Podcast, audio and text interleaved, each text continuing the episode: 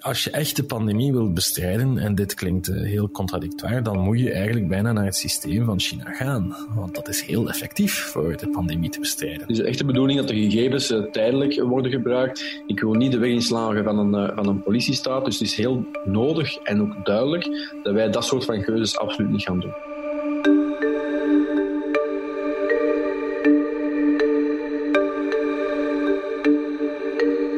Dit is Vragen over het coronavirus, een podcast van de morgen. Mijn naam is Dries Vermeulen. Samen met getuigen en experts gaan we op zoek naar antwoorden op de vragen die u zich stelt over de coronacrisis. In deze aflevering stellen we de vraag: kan een app ons helpen in de strijd tegen het coronavirus? Kunnen we de epidemie indijken door de locatie en de contacten van besmette personen te traceren? En wat dan met onze privacy?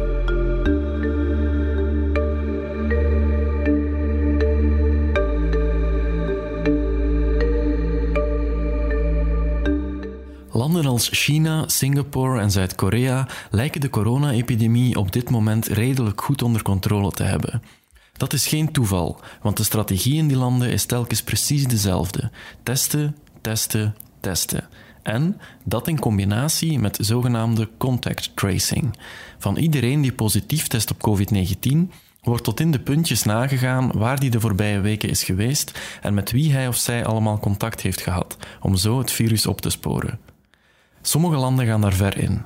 In China heeft iedereen een app op zijn smartphone die je locaties en contacten in de gaten houdt en je met een groen, een oranje of een rood scherm vertelt of je al dan niet in quarantaine moet. Zoals je bijvoorbeeld kan horen in dit stukje reportage van France 24.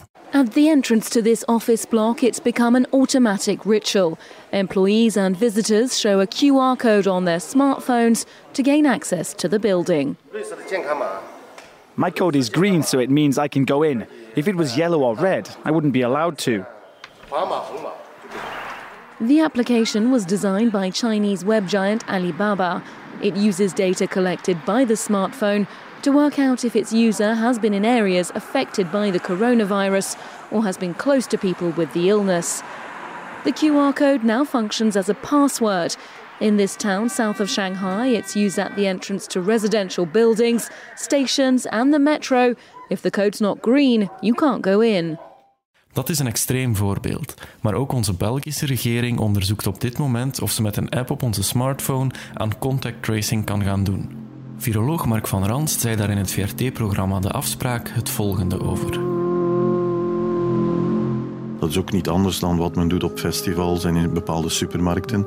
Daar kan men kijken met, uh, met de huidige technologie uh, op onze smartphones die, die heel veel mensen hebben, waar men is geweest en met wie men in contact is geweest. Nu, men moet daar heel voorzichtig mee zijn, want dat zijn Big Brother-achtige toestanden in het kwadraat.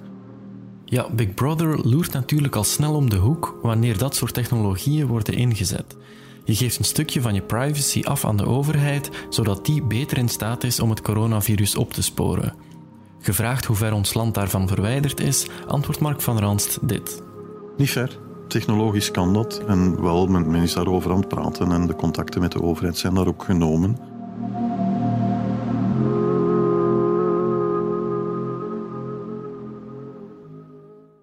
Sterker nog, ons land heeft er een speciale taskforce voor opgericht, de Data Against Corona Task Force.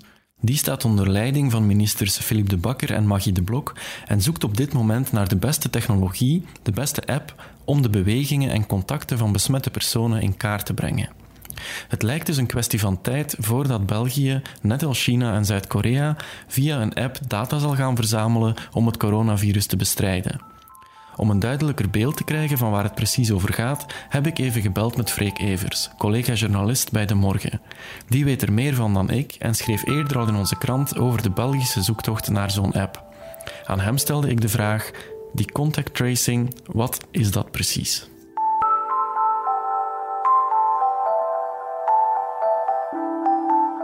Contact tracing is eigenlijk proberen achterhalen met wie jij als individu allemaal contact hebt gehad over een bepaalde periode. In de context van het nieuwe coronavirus kan dat interessant zijn om te achterhalen als jij positief getest hebt, om te kijken wie je allemaal zou kunnen besmet hebben.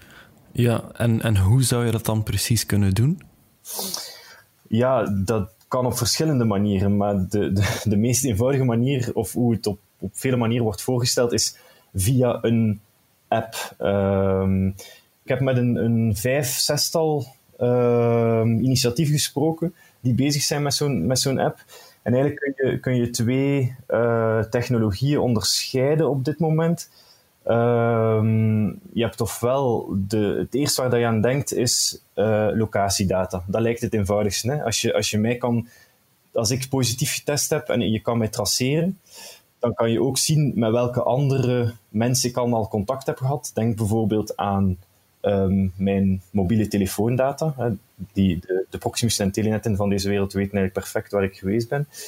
Um, dus dat kan uh, GPS-data zijn op die manier. Of aan de andere kant heb je ook uh, Bluetooth-technologie. Want om te kijken of jij en ik contact hebben gehad, moet je eigenlijk niet precies weten waar wij contact hebben gehad. Je wil gewoon weten of we contact hebben gehad. Dus stel nu dat we alle twee een app op onze telefoon hebben staan waar Bluetooth op staat. En in die app die registreert elk contact met een andere persoon die binnen een straal van anderhalve meter of twee meter geweest is, dan kan die dat opslaan. En zodra ik dan positief test, dan kan ik bijvoorbeeld via die app laten weten van, uh, aan alle mensen met wie ik dichter dan anderhalve meter in contact ben geweest van hey, ik ben positief getest op uh, corona, misschien moet jij ook een beetje waakzaam zijn. Is er eigenlijk een wetenschappelijke consensus over dat dit soort technologie nodig zal zijn om het uh, virus te kunnen bestrijden? Um, is er consensus?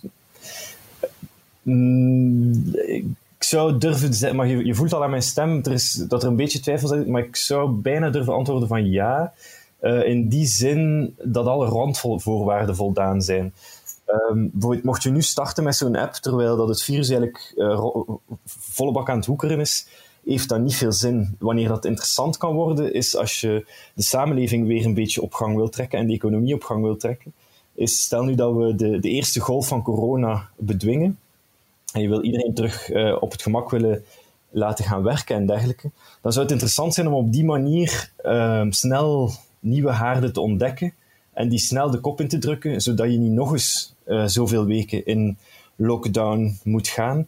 En zelfs mensen die in, uh, in eerste instantie heel erg argwanend staan ten opzichte van dit soort apps, in dat het wel eens noodzakelijk zou kunnen zijn om terug gewoon mens te kunnen zijn en terug te kunnen leven.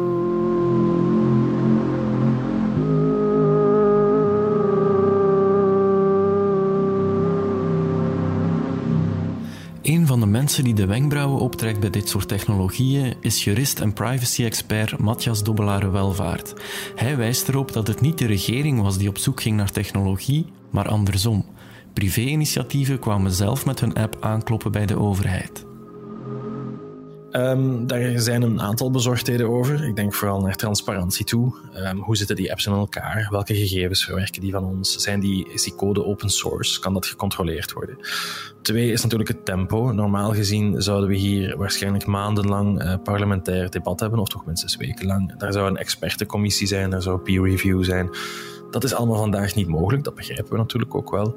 Uh, maar het derde, het komt ook vanuit privé. En ik ben er zeker van dat geen enkel van die personen kwaadwillige uh, ideeën heeft, maar the road to hell is paved with good intentions. En ik denk dat dat hier bijvoorbeeld ook wel eens zou kunnen zijn. De grootste kanshebber op dit moment om gekozen te worden door de overheid is COVID-19 Alert, een app die volledig anoniem via Bluetooth bijhoudt met wie u in contact komt. Anoniem, volledig vrijwillig en dus niet zo verdacht, maar net daarom misschien ook een beetje zinloos. Als 40% of 30% van de Belgische bevolking die applicatie installeert, zit je natuurlijk al met een gigantische gap in data. Je zit niet met objectieve data bezig. Het tweede, zolang dat anoniem blijft, is de impact van die applicatie wellicht ook minimaal. In die zin dat als, als ik nu positief getest word voor corona, ik geef dat in in die applicatie. Ik heb de afgelopen twee weken contact gehad met, laten we zeggen, 15 of 20 mensen via de smartphone. Dat kan in de supermarkt zijn, dat kan uh, ja, uh, mijn partner zijn of de beste vriend met wie je gaat fietsen enzovoort. Dan krijgen die een melding, als ze die applicatie ook hebben, van kijk, eh, het is mogelijk dat je in contact bent gekomen met een uh, patiënt of met een mogelijke coronabesmetting. Die, die contactgegevens of die contactpersonen van die mensen krijgen ook allemaal een melding. Ja, je bent eventueel in contact geweest. En dan binnen een paar weken of binnen een paar maanden hebben we iedereen gehad in België. Dus als je echt de pandemie wilt bestrijden, en dit klinkt eh, heel contradictoir, dan moet je eigenlijk bijna naar het systeem van China gaan. Want dat is heel effectief voor de pandemie te bestrijden. Maar dat is een nachtmerrie voor onze privacy, dus kiezen we hier voor de implementatie van technologie die waarschijnlijk niet heel echt nuttig zal zijn. Ja, op dit moment weinig nuttige technologie dus, maar wel technologie die voortaan bestaat en die ons misschien ook na deze crisis kan blijven achtervolgen. Het is altijd de vraag natuurlijk, als je maatregelen neemt, hoe raken we daar achteraf nog uh, vanaf? Want het is veel makkelijker om dingen in het leven te roepen en applicaties in het leven te roepen dan uh, zaken uh, in de prullenbak te smijten. Dat is heel duidelijk. En je moet natuurlijk ook inzien dat de COVID-19 niet de allerlaatste pandemie zal zijn of niet de allerlaatste crisis. er is nog een terroristische aanslag die hier aankomt. Er is nog een crisis die hier aankomt. er is misschien een hoge criminaliteitspiek in de winter die eraan komt. En dan kan je die applicatie, of dat soort technologie tenminste, niet één op één, maar wel dezelfde technologie, zeker nuttig inzetten. En dan krijgen we de vraag, vroeger was het van, goed, als je je veilig wil voelen, dan moet je een stuk van je privacy afgeven. Nu is het, als je gezond wil blijven, dan moet je een stuk van je privacy afgeven. Terwijl dat in beide gevallen een valse tegenstelling is.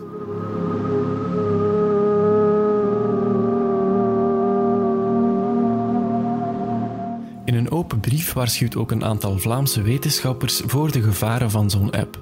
Er is geen enkel bewijs, zeggen die wetenschappers, dat die technologie in bijvoorbeeld China en Zuid-Korea echt heeft geholpen in de strijd tegen het coronavirus. Bovendien kan zo'n app een vals gevoel van veiligheid geven. Wat bijvoorbeeld als je vorige week in contact kwam met iemand die ziek is, maar zich nog niet had laten testen. Dan ben je mogelijk zelf besmet terwijl je smartphone zegt dat alles oké is. Hoog tijd voor een gesprek met de man boven de Data Against Corona Task Force, minister van Digitale Agenda en Privacy Philip de Bakker. Die verzekert ons meteen dat onze privacy de eerste bezorgdheid was. Dus we hebben de privacycommissie mee aan tafel gezet samen met een heel comité van experts en ethici om ervoor te zorgen dat er een duidelijk kader is waarin dat apps kunnen ontwikkeld worden. En dus in eerste instantie zijn we gegaan voor use cases waarbij dat geanonimiseerde data en geaggregeerde data is gebruikt. Dus dat je eigenlijk op het niveau van het individu niemand kon identificeren. En, en wat willen we dan concreet met die gegevens gaan doen? Wel, het zou moeten blijken wat er, wat er kan. Hè. Dus de bedoeling is eigenlijk om, uh, eens dat je voorbij de piek van de epidemie, bent, dat je dan eigenlijk gaat nadenken hoe je de maatregelen die je vandaag hebt genomen om mensen in hun kot te houden, hoe dat je die kan gaan afbouwen. En daar zijn verschillende scenario's voor hoe dat je dat kan doen. Het is heel belangrijk om meer te gaan testen. Dat gaan we ook doen. Hè. We gaan uh, naar meer dan 10.000 testen per dag gaan binnenkort. Uh, nadien zal er nog verder worden opgedreven. En als je dat begint te doen, dan heb je ook een zicht op waar dat de epidemie zich verspreid heeft en hoe dat je de maatregelen kan gaan afbouwen. Is het dan ook al zeker dat zodra deze crisis voorbij is, dat die apps, uh, die gegevens vernietigd worden en dat die apps niet meer zullen gebruikt worden? Ja, dat is de bedoeling. Hè? Dus uh, het is echt de bedoeling dat de gegevens uh, tijdelijk worden gebruikt als we zo'n app zouden gebruiken. En ik zeg het nog eens, er is nog niets beslist daarover. Maar als we het doen, dan is het heel duidelijk dat het binnen het kader moet gebeuren, het privacykader die wij hebben gemaakt. Is het mogelijk dat uh, het gebruik van die app op een bepaald moment verplicht wordt? Dat zijn allemaal zaken die worden bediscussieerd. Ik denk wel dat het belangrijk is dat er uh, niet te veel apps op de markt komen die allemaal proberen hetzelfde te doen en dat je dat ook wel voor een stuk uh, coördineert. Dat je geen concurrentie krijgt op die apps. Hè. Het is belangrijk dat we een overzicht houden over die informatie. En dus denk ik wel dat het belangrijk is dat wij samen met die partners en de overheid daar een oplossing voor zoeken.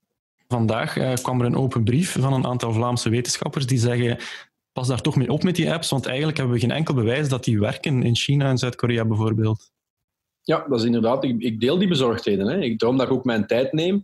Ik vind niet dat we dit snel, snel moeten doen. Ik vind dat we hier goed moeten over nadenken hoe dat we het doen, met wie dat we het doen en hoe dat die gegevens gebruikt gaan worden.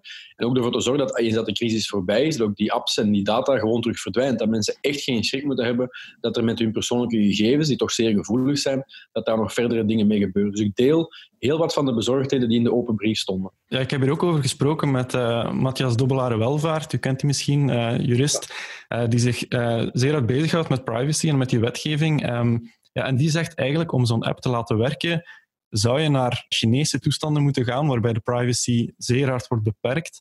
Eh, want met die anonieme gegevens ben je niet veel. Hoe denkt u daar? Dat valt dus te bezien. Er zijn altijd natuurlijk uh, slimmere mensen dan uh, Matthias en ikzelf die misschien wel een oplossing kunnen vinden. En daar zijn we nu ook naar aan het kijken, of dat, daar toch niet geen mogelijkheden zijn. En dus ik, ik, deel heel veel van de bezorgdheden die Matthias heeft. Um, ik wil niet de weg inslagen van een, van een politiestaat. Dus het is heel nodig en ook duidelijk dat wij dat soort van keuzes absoluut niet gaan doen. Is er al een termijn vanaf wanneer zou zo'n app kunnen gebruikt worden? Nee, want dat hangt af van één, de, de, de voorbereidend werk dat wij moeten doen om die keuze te maken. Het hangt ook af van hoe lang de epidemie zich nog aan het verspreiden is.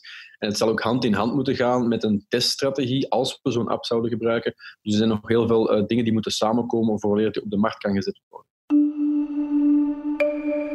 Daar zijn ook alle appbouwers zich van bewust, verzekert Freek Evers. Maar toch, dit is technologie die hoe dan ook aan onze privacy zal raken. En dan is voorzichtigheid altijd geboden. Al die mensen die ik spreek vertrekken vanuit hetzelfde principe. We hebben allemaal de beelden gezien van Zuid-Korea, China. En wat we niet willen is dat we hun technologie gaan gebruiken bij ons, want die is niet privacyvriendelijk. Dus ze vertrekken allemaal vanuit dat mooie uh, vertrekpunt. Maar de vraag is natuurlijk, en dat weet bijna iedereen die met technologie bezig is, je bouwt hier wel misschien de basis van een infrastructuur waarvan we denken van wow, dat hadden we drie maanden geleden totaal niet zien zitten. Je kan het een beetje vergelijken met die, uh, met die drones die nu plots rondvliegen. Drie weken geleden waren we allemaal nog uh, op sociale media aan het zeggen van in China zijn ze gek. En ondertussen vliegt er nu ook in uh, Brussel een drone rond die mensen aanmaand om niet te veel contact te hebben. Dus we moeten opletten dat we ja, toch heel, heel, heel, heel, heel, heel, heel, heel, heel, ik kan niet voldoende heel zeggen, voorzichtig zijn.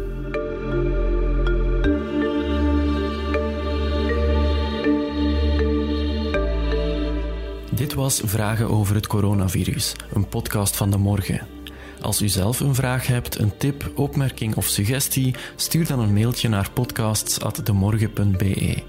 Voor het meest recente nieuws en informatie over het coronavirus kunt u terecht op demorgen.be en in onze app. Kwaliteitsjournalistiek kost geld. Uw steun helpt ons om onze job te doen. Neem daarom een abonnement op De Morgen via demorgen.be-lees. Bedankt om te luisteren.